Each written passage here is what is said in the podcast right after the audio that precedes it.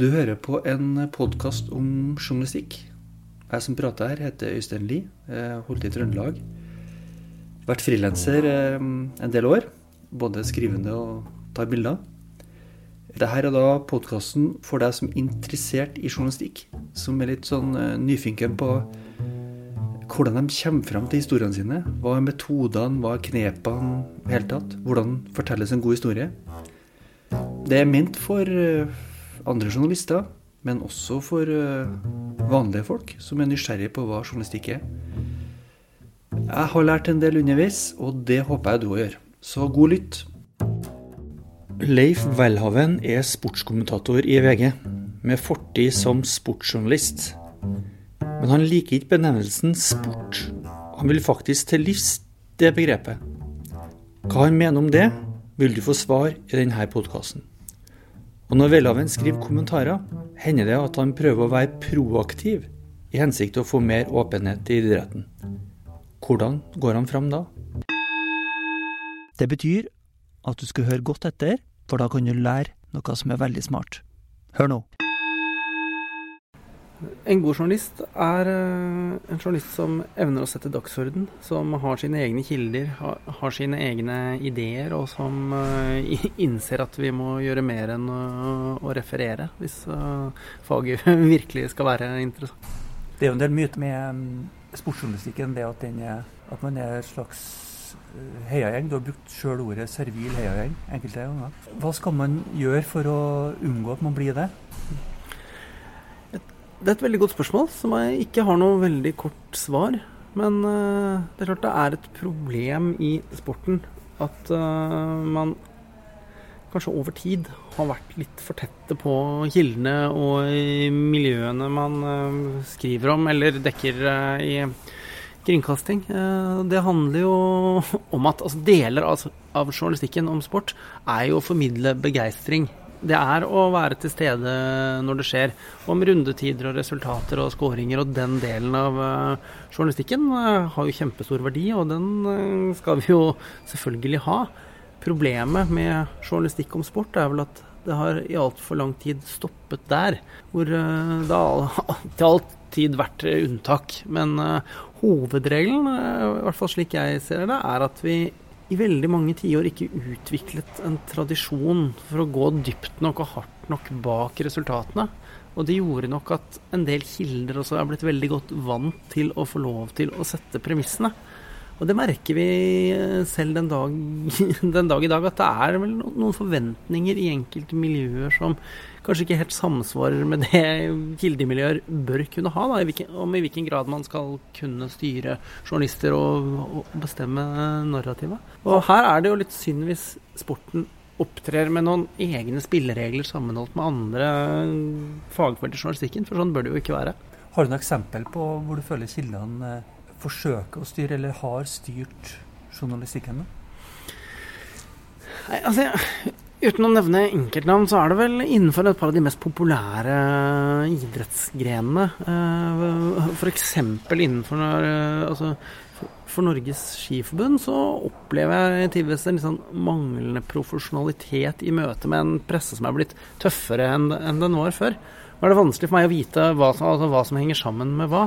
Men jeg undres vel og lurer på om det kan ha en sammenheng med at man altså i veldig mange år har forbundet presse og offentlighet med servile spørsmål etter uh, målgang, og hvor hensikten og funksjonen til pressen sett fra skiledelsens øye, øye, øye med, da, er å være en arena hvor man kan få vist fram uh, sponsorlogoer og trøkke noe vannflasker som ingen drikker av inn i kameralinsen osv. Mens eh, de har litt vanskeligere med å forstå rollen vår og samfunnsoppdraget når man altså går bak nyhetene og begynner å stille dem eh, altså til, til veggs. Det, så, det, så jeg lurer på Det er ikke sikkert at jeg har rett, men jeg lurer på om det har vært en sånn i det store bildet litt sånn at, at, manglende kritisk sans over tid er, har, som har gjort kildene litt sånn bortskjemte og kanskje misforstått litt hva journalistikk faktisk skal handle om.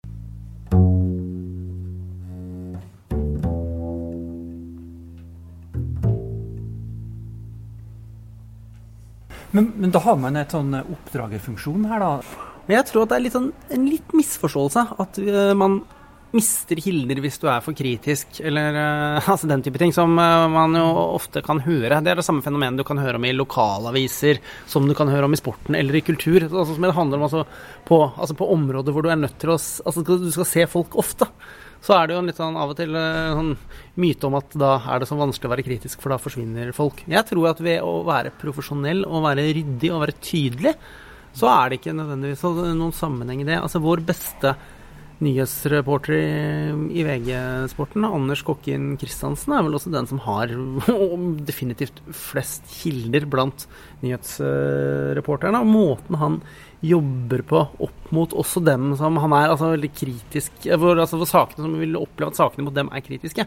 Måten han jobber uh, overfor dem på, er så gjennomfair og så gjennomordentlig og gjennomprofesjonell at er metodikken tilstrekkelig uh, på plass, så tror jeg at, uh, at, at det er fullt, fullt, fullt, mulig, og det må være fullt mulig. Og hvis det ikke er mulig, så må man eventuelt bare tåle at du mister den kilden, da, eller det handler om at vi har ikke noe valg. altså Vi kan ikke holde på i en bransje som oppfyller alle nyhetskriteriene, som jo sport egentlig gjør.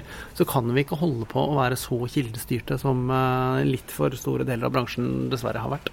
Fortell om de verktøyene man eh, må bruke for å oppnå fortrolighet til en kilde. Jeg tror veldig mye av det handler om premisser og hvordan de blir fremlagt. Det helt grunnleggende er selvfølgelig å være etterrettelig uh, og være til uh, å stole på. I noen sammenhenger så kan det være veldig lurt å være raus. Det kan av og til handle om detaljer som ikke nødvendigvis er så viktig for det store bildet i saken, men å, å ha litt street smartness. Det er veldig forskjell på å kunne være raus i enkelte settinger og å være servil. Men veldig mye av det handler om menneskekunnskap om fremgangsmåte, om hvordan du Ja, og at du og hvis du gjør det på den, måten at du forklarer ganske tydelig hvorfor eh, du gjør det.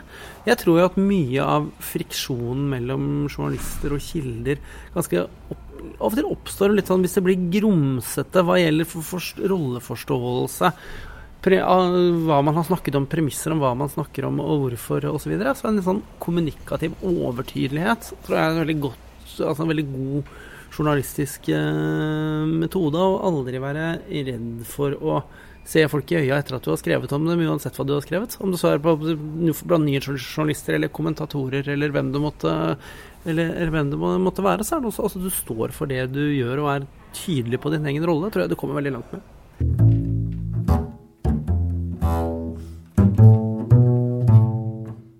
Det skjedde vel et, var et vannskille i VG-sporten i 2016, om jeg husker riktig. Og det har vært en del prosjekter deretter, og de skiller seg litt fra hverandre. Men det som var vesentlig for at vi har kunnet få det til, var jo at da vi fikk inn Gard Steiro, så kom han med noe som vi kaller for VG-spaden. Som er et eh, Altså det er satt av et eller annet antall kroner i, i, i året til journalistiske prosjekter som kan kunne stå ut, som alle kan søke på uansett hvor du er på huset hva hva du måtte være. Og er ideene gode nok, så får du frigjort ressurser. Og det er klart, I en presset arbeidssituasjon og på sporten så vil det jo alltid være sånn at terminfestede hendelser vil kreve mye. Og som alle andre steder så skal vi gjøre mer og mer og mer og mer, og mer i alle mulige retninger. Så sport, hver sportssituasjon er veldig dratt i ulike retninger. Så det vil si at altså Forutsetning nummer én er at du må ha tid og anledning og tillit fra oven til å faktisk kunne gjennomføre prosjekter som tar tid. Og det første store prosjektet vi satte i gang, som da handlet om åpenhet og pengebruk i toppen av norsk idrett holdt vi vel på med i tilnærmet to år. Fra, altså fra, fra vi begynte til Og fortsatt er det noen spin-off-saker eh, innimellom. Men Hvordan gikk dere fram da? Altså Det var et veldig sånn mangefasettert prosjekt som vi skjønte umiddelbart at ville ta tid. Så da hadde vi altså vi hadde satt sammen et, eh, et, et reporterteam med litt komplementære ferdigheter. Og vi hadde flere løp gående samtidig. For noe var sånn veldig spesifikt rettet inn mot Norges Fotballforbund. Eh, noe annet eh, Mens andre jobbet altså mye, mye mer i retning av eh, altså Idrettsforbundet sentralt og noe på andre grener. For var, her var det veldig mange faktorer som falt sammen. Da. Det var veldig, sånn, egentlig et ganske vidt begrep, som jo handlet, som jo handlet sånn veldig sånn prinsipielt om hvordan Altså hvilken innsynsrett, eller hvordan skal offentligheten forholde seg til noe som er så felles som en idrettsorganisasjon? Som får så mye offentlige midler, men som ikke er omfattet av uh, offentlighetsloven. Som gjør at vi ikke er i nærheten av å ha de den journalistiske verktøykassen som vi hadde hatt i andre sammenhenger. Så det gjorde at vi måtte tenke det at vi måtte tenke veldig annerledes. Og det var også sånn fordi temaet Vi skjønte veldig fort at det kom til å bli så langvarig. Så var det en veldig sånn detaljert plan på hvilke temaer du kan ha, hvor, og som gjorde at vi måtte variere en del i, i temaer. Og, og så var det sånn og, der, og, i den saken så var det jo også en sånn Meningsjournalistikken, min rolle i det, var eh, Den handlet jo også om å ta den prinsipielle altså helt sånn overordnede. Hvordan vil vi ha det i det norske samfunnet hva gjelder offentlighetens innsynsrett overfor en privat organisasjon av en slik størrelse som i ett og alt markedsfører seg med at, være, at, det, at det, skal være så felles? Så det var et sånt prosjekt som skiller seg vel egentlig fra alle de andre prosjektene fordi det var litt mer altså det var sånn virkelig altså det var sånn virkelig makroperspektivet som skulle på. Neste prosjekt deretter var jo helt annerledes. Det handlet om Football Leaks. Ja, bare, det skjønner jeg. Ja. bare, bare stoppe her. For at det, det, din kommentatorrolle var jo litt spesiell fordi du var proaktiv for å få økt, økt innsyn. Mm. Det var jo da Hva slags vurderinger gjorde du der? Ja, den vurderingen som vi gjorde med det, var jo at vi hadde en vi, Altså, vi, vi var satt i en situasjon hvor du Utgangspunktet var jo at vi begynner på helt ordinær, tradisjonell journalistikk, hvor nyhetsjournalistene søker om innsyn, vi spør om vi kan få dette, argumenterer på vanlig vis for hvorfor det kan være en god idé osv. Og, så og så møter du altså en, en bom. Fullstendig. Og der hadde det i egentlig alle sammenhenger eh, stopp, stoppet opp, da, eh, normalt. Og det man jo da Altså den vurderingen eh, som vi gjorde da, var jo i den, i den sammenheng å, å flytte det som vanligvis er en innsynsbegjæring, noe som legges i en skuff, og så enten får du ja eller nei, og så, og så, og så er det det, så vet jo ikke Leserne vet jo bare om det uh, endelige produktet. Den vurderingen vi gjorde da, var å finne en, altså en metode som kunne helt gjennomlyst, helt åpent på alle måter, flytte som hele den prinsipielle diskusjonen ut i det offentlige rom, da, hvor leserne fikk være med på reisen på hva vi spurte om, hvorfor vi spurte om det, hvordan vi gjorde det, hvilke argumenter som ble anført osv. Og, så og da ble liksom den metoden å bruke, altså kommentatorstemmen, som, som den som åpne må, sti, altså, må, må, stille spørsmål, den, det, det, var den vi valgte som den, den mulig, fa, mulig farbare veien. da. Og, og, det har jeg liksom ikke sett for at det ble. Det ble jo da, så ble jo den eneste store saken ble nærmest en sånn offentlig prinsipiell samtale med som etter hvert veldig mange meldte seg på hadde, altså, og hadde meninger om. Om hva en, altså en, frivillig organisasjon som lever av så mye offentlige penger, og som en så stor andel av befolkningen har hatt, et, har hatt og har et forhold til. Hvordan skal de forholde seg til fellesskapet? Ikke bare gjelder å få skattepengene våre, men også for å tenke på hvilken grad vi har rett til å få vite hva, altså, hvordan det faktisk ble operert, hvordan ledelse forvalter tillit osv.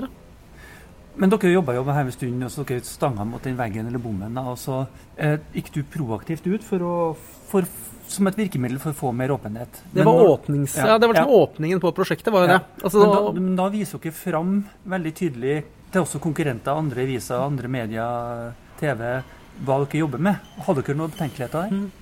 Altså, jeg tror Det hadde nesten vært vanskelig å gjøre det motsatte. for hele, altså, hele konseptet handlet jo om åpenhet. Og åpenhet i den sammenhengen er jo altså det er noe med hele den journalistiske ryggraden og hele yrket vårt handler jo sånn om den type ting. Og da tror jeg vi, Hvis vi først skulle gjøre det på den måten ved hjelp av den metodikken, så måtte alt være helt åpent og helt transparent. Og, det, og, slik, og, og, slik, skulle vi gjøre det. Så var det vel sånn at vi det var jo litt ny, Vi pløyde jo litt ny mark. Ingen av oss hadde gjort dette her før. Altså, altså på den måten, og Selv om vi hadde lagt en ganske god plan for hvordan vi skulle gjøre det, så ingen visste jo at det skulle vare i to år. Selv om vi skjønte at det, ville, at, at det, ville, ta tid.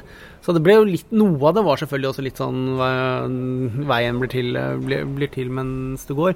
Men de litt sånn prinsipielle sidene hva gjaldt, uh, altså hva gjaldt å være åpne med metode og hva vi gjorde og hvordan vi gjorde det osv. Det tror jeg var den eneste måten å gjøre det på. Og som også, gjør den, og, og som, også, som også gir, etter mitt syn, av det prosjektet en litt sånn, litt sånn rød, rød, tråd. Skal vi først handle liksom om skal dette handle om nådeløs åpenhet, som det het, så må vi være åpne selv òg. Grunnen til at jeg stiller spørsmålet er at ofte at graveprosjekter er jo litt sånn når du har kortene litt tett inntil brystet. for å men som du sier, det er jo et prosjekt som handler om åpenhet. Så det var, ville vært ironisk kanskje å ha det lukka. Ja, og det synes jeg det var eh, også med tanke på vår troverdighet for dette, altså, dette mm. prosjektet. Og det argumentet vi hadde, var jo rett og slett altså, helt sånn makromessig samfunns... Hvorfor dette er samfunnsmessig nyttig. At uh, vi faktisk har noe med hvordan pengene blir brukt. Og mye av det som var litt synd, egentlig, var at litt av det i enkelte miljøer så blir dette prosjektet liksom framstilt med at vi bare maste om altså smålig masing om så og så mange vinflasker, eller uh, hvor dyr var den og den flybilletten, uh, osv. I, i, altså, I mine øyne så var jo det soleklart viktigste med det prosjektet var at vi fikk gjennom et prinsipp om at faktisk en innsynsrett skal gjelde. Det var mye viktigere enn hvor mange vinflasker det faktisk viste seg at de idrettslederne hadde drukket. Nå var det selvfølgelig en del av prosjektet at vi, at vi også fikk at du først fikk dette innsynet, og det viste seg også å være ganske mye som eh, at det ikke er som det bør være i en, frivillig, i en frivillig organisasjon. Selvfølgelig var det viktig å få fram det også. Men men sånn, når jeg ser tilbake igjen på dette prosjektet, så er den prinsipielle delen av det fryktelig mye viktigere enn uh, om de drakk så og så mange flasker vin på den og den restauranten uh, i, i, London OL. Du snakka om komplementære team. Kan du forklare hva det, hva det går ut på?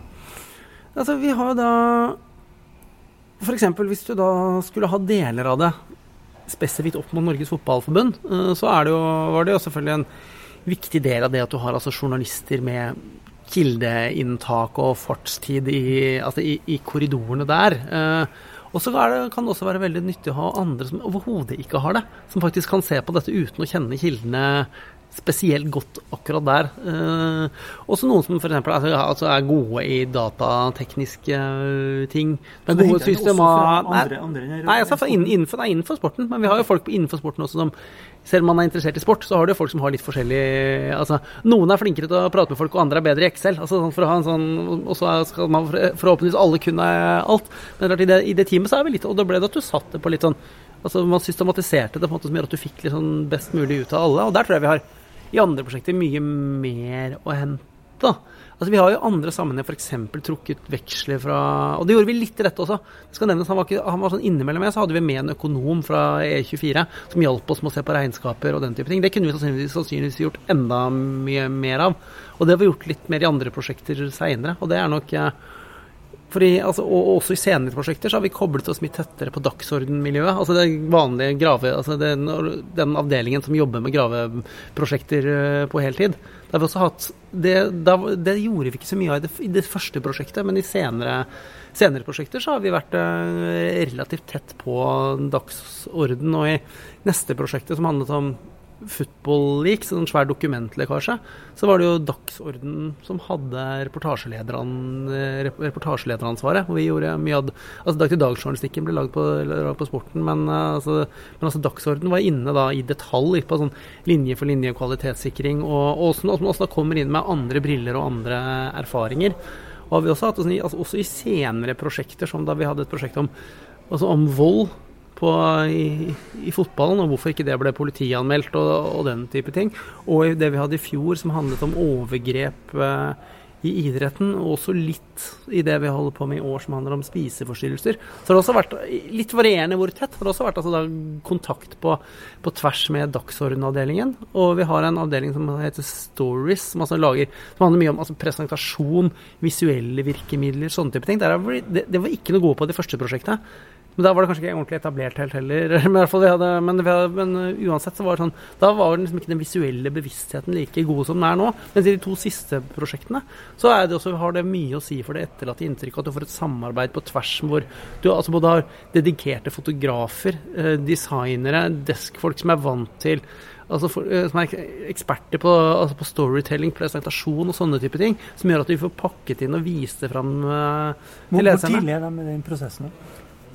Det kan være relativt tidlig. Og også kan det hende at man kaster seg rundt ganske fort. Så det kan være alt fra liksom, at du har noen sånn at det er liksom noe som er veldig gjennomarbeidet og planlagt. Men det hender av at de også kan gjøre mer sånn light-versjoner som kan gjøres kjapt. Da. Og det har vi altså de siste prosjektene hatt veldig nytte av. Og det tror jeg vi, vi, kan kanskje angre litt på at vi ikke tenkte mer på i starten. Da. Altså, sånn man, har lært etter, man, altså, man har lært etter hvert. Og blitt flinkere og flinkere til å dra veksler på tvers av avdelinger, på tvers av roller funksjoner, for å, se, altså for, å, for å lage en best mulig totalitet. Og det, der tror jeg det er mye altså det, det, er mye å hente. For sport er også interessant fordi altså sport toucher jo innom så mye annet.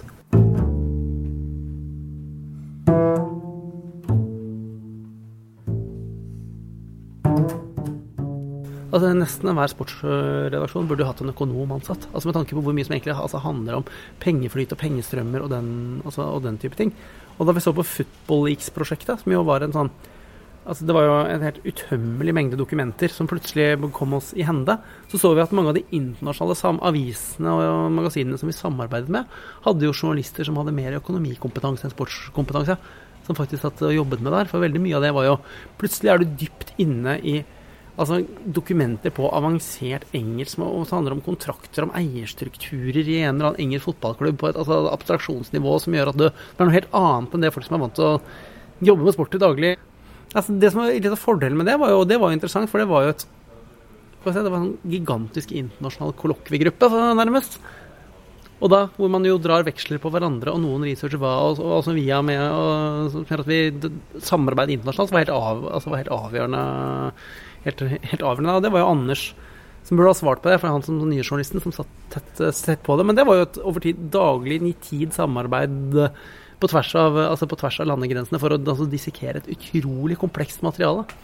Har du en økonomijournalist i gåsetegn i sportsredaksjonen? Nei, det har vi ikke. Burde... Kanskje vi burde det. Vi har, altså, vi har folk som kan altså, du har ulik grad av hva du kan.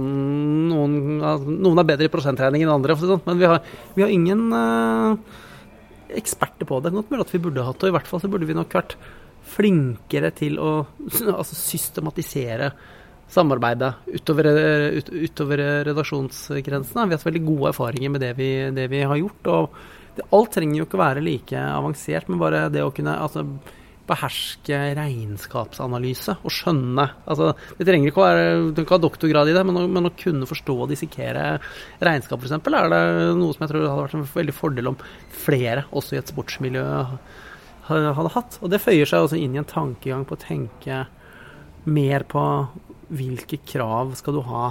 Altså, hva må du, hva må du kunne, da? Og, Hvem er fremtidens sportsjournalist sportsjournalister? Hvis jeg skal bruke ordet sportsjournalist her? Altså, jeg tror at, uh, for å si det litt sjablongaktig, så er fremtidens sportsjournalist mer interessert i sport og mindre Nei, unnskyld, mer interessert i journalistikk og mindre interessert i sport enn det vi kanskje har hatt for vane å se.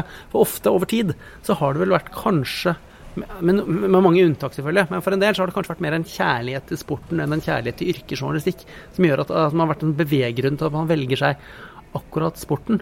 Og det var litt sånn derre det er ikke nødvendigvis det viktigste kriteriet på et jobbintervju om du kan ramse opp alle Sogndals venstrebacker i løpet av de siste 30 årene, men kanskje om du kan det og det og det hva gjelder, uh, altså, hva, hva gjelder gravejournalistikk, håndtering av kildemotstand uh, og den type ting. I hvert fall for deler av redaksjonen. For sånn, Du skal ikke kimse at altså, sportskompetanse er ekstremt viktig i en sportsredaksjon. Altså, Vi kan ikke ha en gjeng med journalistnerder som ikke vet hvem som leder Eliteserien. Det går ikke. Men det handler om en, altså, at vi i større grad Jeg tror at litt av problemet med mange sportsredaksjoner er at de er for homogent sammensatt. Altså, og, og, da og, det, og, og, da har den der sportsentusiasmen kanskje tatt litt for mye, tatt litt for mye overhånd. Og at vi da kan ha, altså, ha godt av å ha litt, litt, forskjellige typer, tror jeg, tror jeg er veien å gå. Og jeg syns at vi ser Altså, vi var De siste årene det første året vi holdt på med det, så følte vi kanskje litt sånn alene. Men jeg føler at redaksjon etter redaksjon etter redaksjon satser jo nå tungt på undersøkende journalistikk om sport på en annen måte enn vi, enn, enn vi har sett før. Vi gjennomførte i Bergen for noen få uker siden så ble altså det gjennomført et eget graveseminar da, om undersøkende sportsjournalistikk. Det hadde jo ikke vært aktuelt i havet for bare noen, noen, noen få år tilbake. NRK har liksom fått lagd en gravegruppe, TV 2 har en gravegruppe. Dagbladet fikk Scoop-diplom for fluorsaken, og i likhet med oss så jobber de nå med spiseforstyrrelser. Eh, i idretten. Eh, bare for, eh, bare for å nevne altså, noen eksempler, så ser vi at dette fagfeltet er løftet opp og, opp og fram på en, på en helt annen måte eh, enn bare for noen år siden, og det er jo veldig positivt. Hvordan er lesetallene på de sakene? Det vil variere litt, selvfølgelig. Men det, altså for å ta det ferskeste først, så er altså spiseforstyrrersakene vi har nå, leses jevnt over uh, usedvanlig godt. Altså det er veldig stor uh, interesse for det. Football Leaks også var det kjempestor uh, interesse for.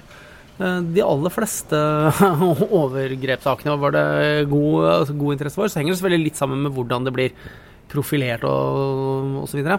I det første prosjektet som vi begynte med, som jo ikke var mye på, på, tung idrettspolitikk, eh, så var det innimellom litt vanskeligere å få med seg, å få med seg leserne. Så der var, der var, nok bildet litt mer sammensatt. Men det var også så utrolig mange saker over, altså over lang tid da, som gjør at det, at, det svingte litt. Men der så vi jo f.eks. da det begynte å konkretisere seg. Når du begynte å få innhold i disse bilagene og sånne type ting, så ble jo lesertallene høyere enn nødvendig, enn liksom de helt prinsipielle sakene om ja eller nei til åpenhet, nødvendigvis.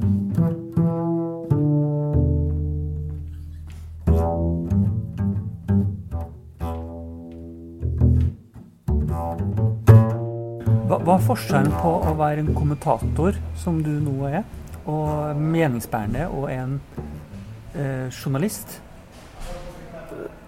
Altså, jeg mener at altså, begge deler er jo journalistikk, men det er altså ulike, altså, ulike typer uh, journalistikk. Det er klart det er noen metodiske forskjeller på, på, hvordan du jobber. Samtidig så er det sånn som meningsbærer så er det også viktig at du, altså, du skal ha et grunnlag for hva du mener noe om. Og jeg tror ikke jeg snakker ikke med så veldig mange færre folk enn det jeg gjorde før jeg Altså, jeg har vært uh, nyhetsjournalist tidligere, og jeg, snakker, jeg, tror ikke jeg, jeg har ikke noe mindre kildekontakt enn det jeg hadde.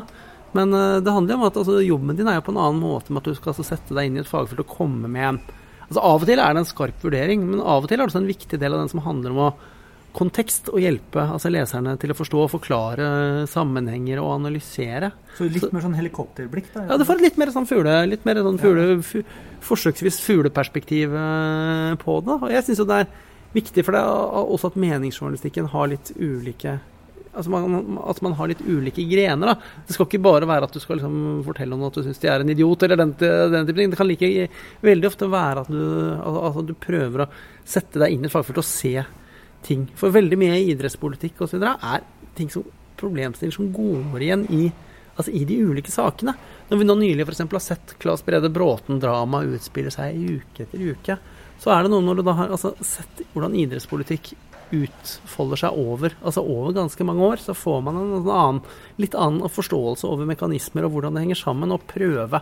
Om man lykkes eller ikke, får jo andre vurdere, men, men jeg, tror det, jeg tror den meningsbærende rollen der er ganske viktig med tanke på å få altså oversikt uh, og kontekst, samtidig som man jo selvfølgelig er tydelig på at uh, det er jo Det er veldig fint om folk veldig gjerne får lov til å være uenige, men det er jo litt av, litt av hensikten også med en sånn meningsbærende rolle, er jo, kunne, er jo være på arenaer der meninger kan brytes. Sånn. Når man skal skrive en nyhetssak, da, i hvert fall, så er man, skal man være poengtert. Eh, når man da skal skrive en kommentar og skal ha et eh, overordna blikk Eh, hvordan griper man det an da? Litt forskjellige teknikker eh, fra gang til, eh, altså fra gang, til gang. Jeg mener jo at du må være relativt rett på sak også på kommentarplass. Altså Av og til kan du bruke, prøve deg på litt mer litterære virke, saker, virkemidler. For det er veldig avhengig av hva det er snakk om. Ja. På noen ting så handler det om noen, noen gang Så jeg mener at kommentarene mine er ganske forskjellige språklig. Altså Noen ganger så prøver du faktisk å bruke språket liksom malerisk og aktivt. For det skal bli en del av leseropplevelsen.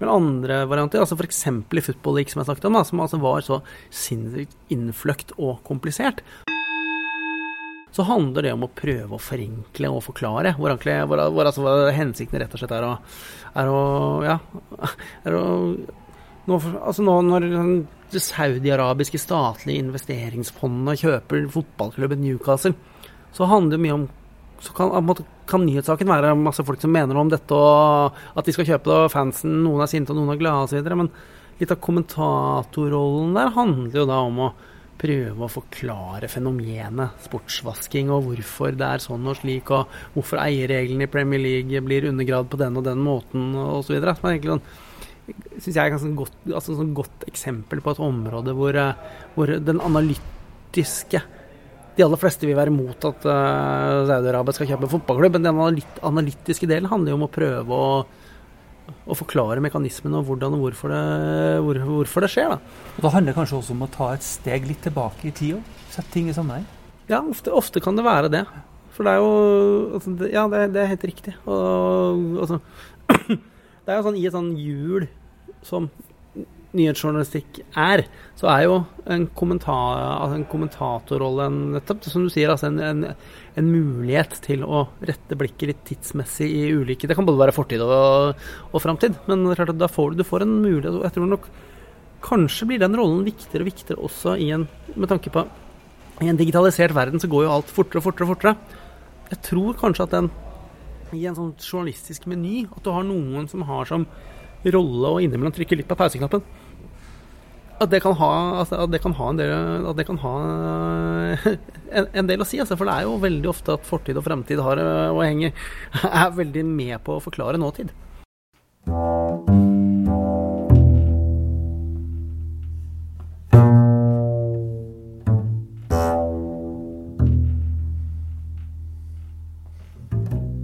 Hvorfor vil du begrave begrepet sportsjournalist? Jeg mener jo at sport er et journalistisk fagfelt eh, på linje med andre fagfelt. Og jeg vil heller kalle det journalist om sport. For det er noe med etterlatte inntrykk av hvordan du, du framstiller noe. At det er journalistikken som må være i sentrum. Så det er måte journalistikken om sport, i stedet for at du har sporten i første rekke, og så skal journalistikken ta, ut, ta utgangspunkt i det. Så det er vel litt sånn psykologisk, kanskje, med tanke på hvordan det omtales. Og det er vel heller ikke til å stikke under stol at i deler av journalistbransjen så er vi blitt sett på som en litt sånn lettvint lillebror, og at sportsjournalist kan få et litt sånn farget inntrykk i enkelte sammenhenger. Som, eh, som delvis er berettiget og delvis er basert på, altså basert på noen eh, myter. Så jeg tror det er jeg mener at det er, sånn retor, er litt sånn retorisk bevisstgjørende. Det er vel grunnen til at jeg har valgt å, å legge meg på den linjen i en del, i en del offentlige sammenhenger. Og sånn, ja, men det er jo bare sporten. Argumentet holder ikke så lenge du snakker om altså, en industri som omsetter for så mye du gjør, har så mange konflikter, gjelder hverdagen til så, til så mange. Altså det det er altså vesentlighet, aktualitet, sensasjon, konflikt osv. Det er hele, hele Visak-rekka er, er, det jo bare kryssa på hva gjelder sporten. Og da tror jeg det er viktig at vi, at at vi gir det fagfeltet altså den plassen det fortjener. Da. At vi også da behandler det metodisk på en måte som, altså, som ikke nødvendigvis skiller seg fra andre. Så er det selvfølgelig det at når Norge spiller landskamp, så er en del av journalistikken å at vi dekker kampen. Når man vinner OL-gull, så er det Det skal jo ikke forsvinne. Men det betyr ikke at vi ikke skal ha plass til de andre sidene av det. Og da blir det på en måte Hvis uttrykket er sportsjournalist, så høres det ut som yrket nærmest avgrenses til å referere hendelser. Så det er vel for å, for å sette tydelig avtrykk på at uh, vi skal være så mye mer enn det.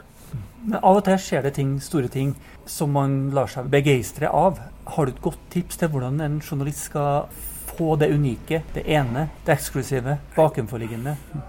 Altså, noe er selvfølgelig litt avhengig av Veldig mye handler selvfølgelig om kunnskap, som du akkumulerer over tid. Som gjør at jo større bank av kompetanse du har, jo lettere er det å, å se sammenhenger og se nyhetspoenger. og klart skal du dekke Ole Gunnar Solskjær nå, så er jo mer du kan om engelsk fotball og kan om Manchester United, og kan, så, så, er det selvfølgelig lettere å finne, ving, å finne vinklingene.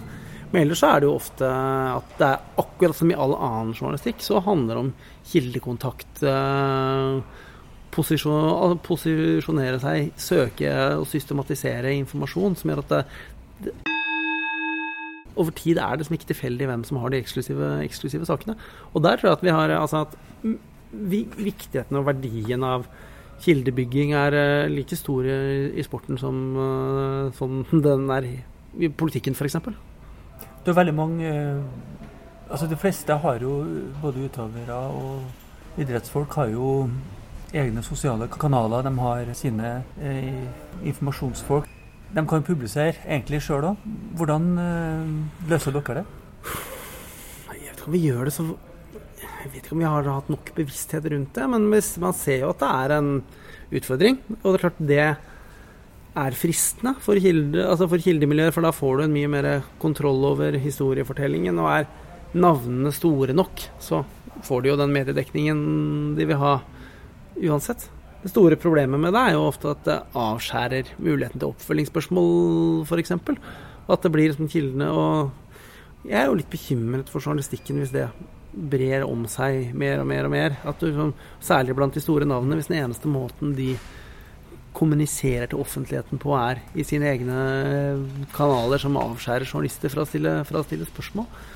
Jeg, jeg, jeg, tror ikke det vil bli et sånn vidt og bredt problem hva gjelder hele sportsfeltet, men klart for de aller største navnene så vil jo det kunne være en måte også nærmest skjerme seg for kritiske spørsmål eh, og, og innfallsvinkler på. Da. Og det, jeg synes vi ser at fra, fra kommunikasjonshold at bevisstheten rundt det er er, er større og større. Så jeg har vel en tro på at dette problemet kommer til å tilta i styrke i årene som kommer. Jeg har ikke noen quick fix på hva vi kan, hva vi kan gjøre med det, egentlig.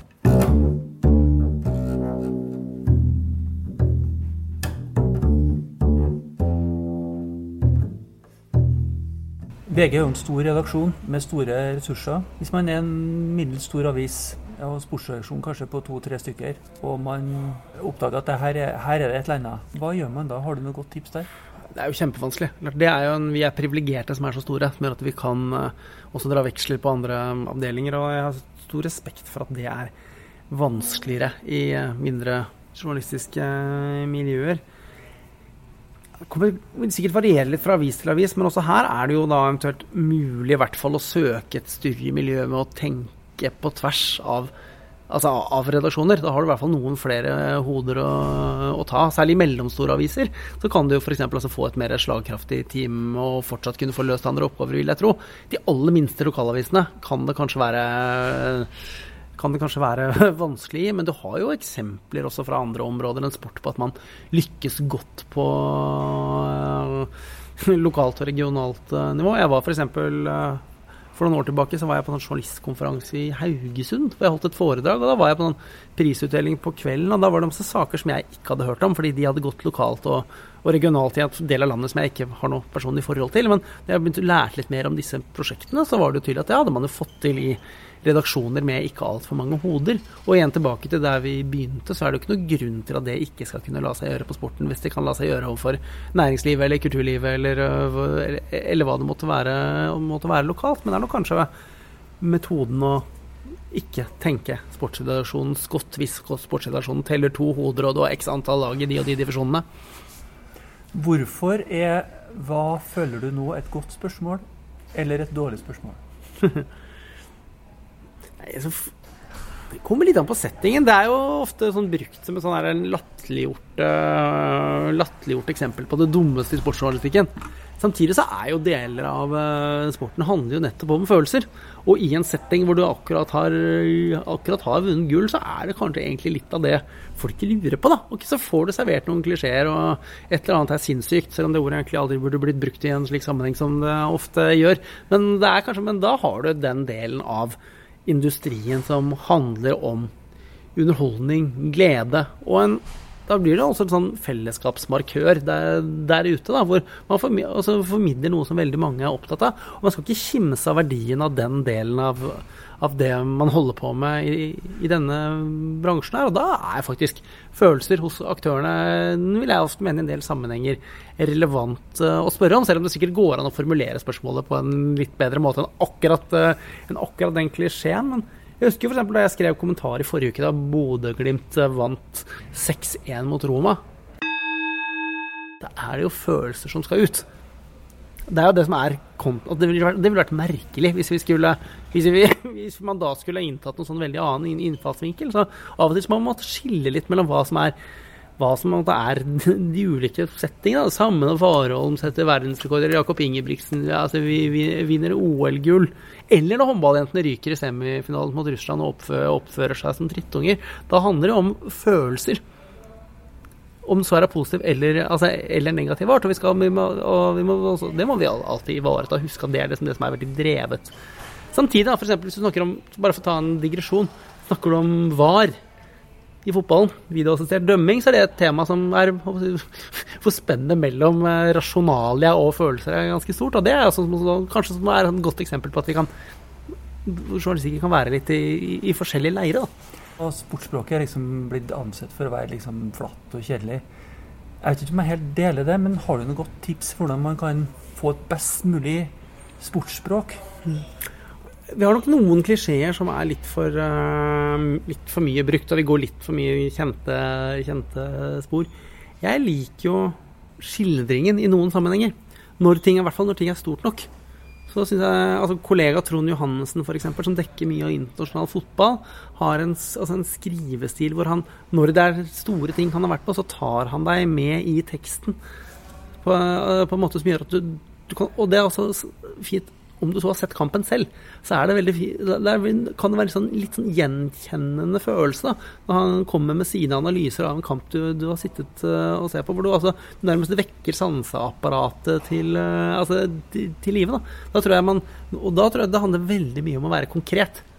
Gjerne korte setninger, uh, men, men, som er veldig konkrete. Da, på, og det er av og til lykkes man, og, av, og til, og av og til lykkes man ikke. Men det er et fortellergrep som jeg mener er litt litt under, undervurdert, og som kanskje kunne vært brukt med, med, med fordel oftere. Og jeg tror vi kan I nyhetssaker Av og til så siterer vi folk altfor mye. Altså Sitater har en verdi når, altså, når de tilfører saken noe. Men der syns jeg i en del av sportsnyhetsjournalistikken er altså altfor mange sitater som egentlig ikke har så, så, så, veldig, så, veldig, stor interesse. Og da går det kanskje av og til an å hvert fall begrense det noe og lete etter andre type innfallsvinkler. og en sånn sitatstrek 'deilig etter at du har vunnet en fotballkamp'. Altså, det går an å finne en annen tittel eh, kanskje enn det som tar av og til. da.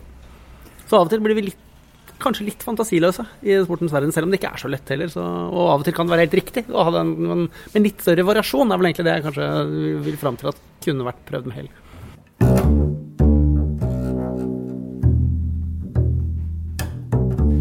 Skaffe seg noe kompetanse som ikke andre har. Altså, ja, jeg tror det kan være lær deg et språk til, studer statistikk. Altså gjør at du Skaff deg et eller annet som gjør at du tilfører redaksjonen noe som den ikke nødvendigvis har fra før tror jeg, kan, tror jeg kan være ganske smart. Det gjelder ikke bare i sporten, men det gjelder jo egentlig alle former for, altså alle former for journalistikk. Altså, vi hadde jo en som vi nå har mistet, Arild S, som har gått til TV 2. Som jo da Bare det å være I tillegg til at han er utrolig kunnskapsrik om sport, så snakker han jo da fransk og spansk. Og det er klart, eh, fordelen du har når du er og dekker fotballkamper og står i en mix-zone f.eks., og du har eh, spillere som går forbi som ikke har engelsk som morsmål, er jo et, klart det er et, en gigantisk fordel, f.eks. For så, og det kan jo være flere språk det er snakk om. Bare, det er ett konkret eksempel. Og han veldig, er veldig god til å benytte seg av det fortrinnet han, uh, han, har også. Klart Forskjellen på om du kaster ut et spørsmål til Paul Pogba på fransk eller på engelsk, kan være forskjellen på om han gidder å svare eller ikke. Leif Welhagen i VG der, altså. Neste på tapetet er Nina Kristiansen. Hun har jobba som redaktør i forskning.no i 15 år, og som nå har varsla at hun gir seg som redaktør for å skrive igjen. Det vi skal prate om neste gang, er forskningsjournalistikk, et felt som Nina Kristiansen kan veldig, veldig godt. Og så er det bare én siste ting. Eh, den som spiller bass i podkasten, han heter Asker Skrove.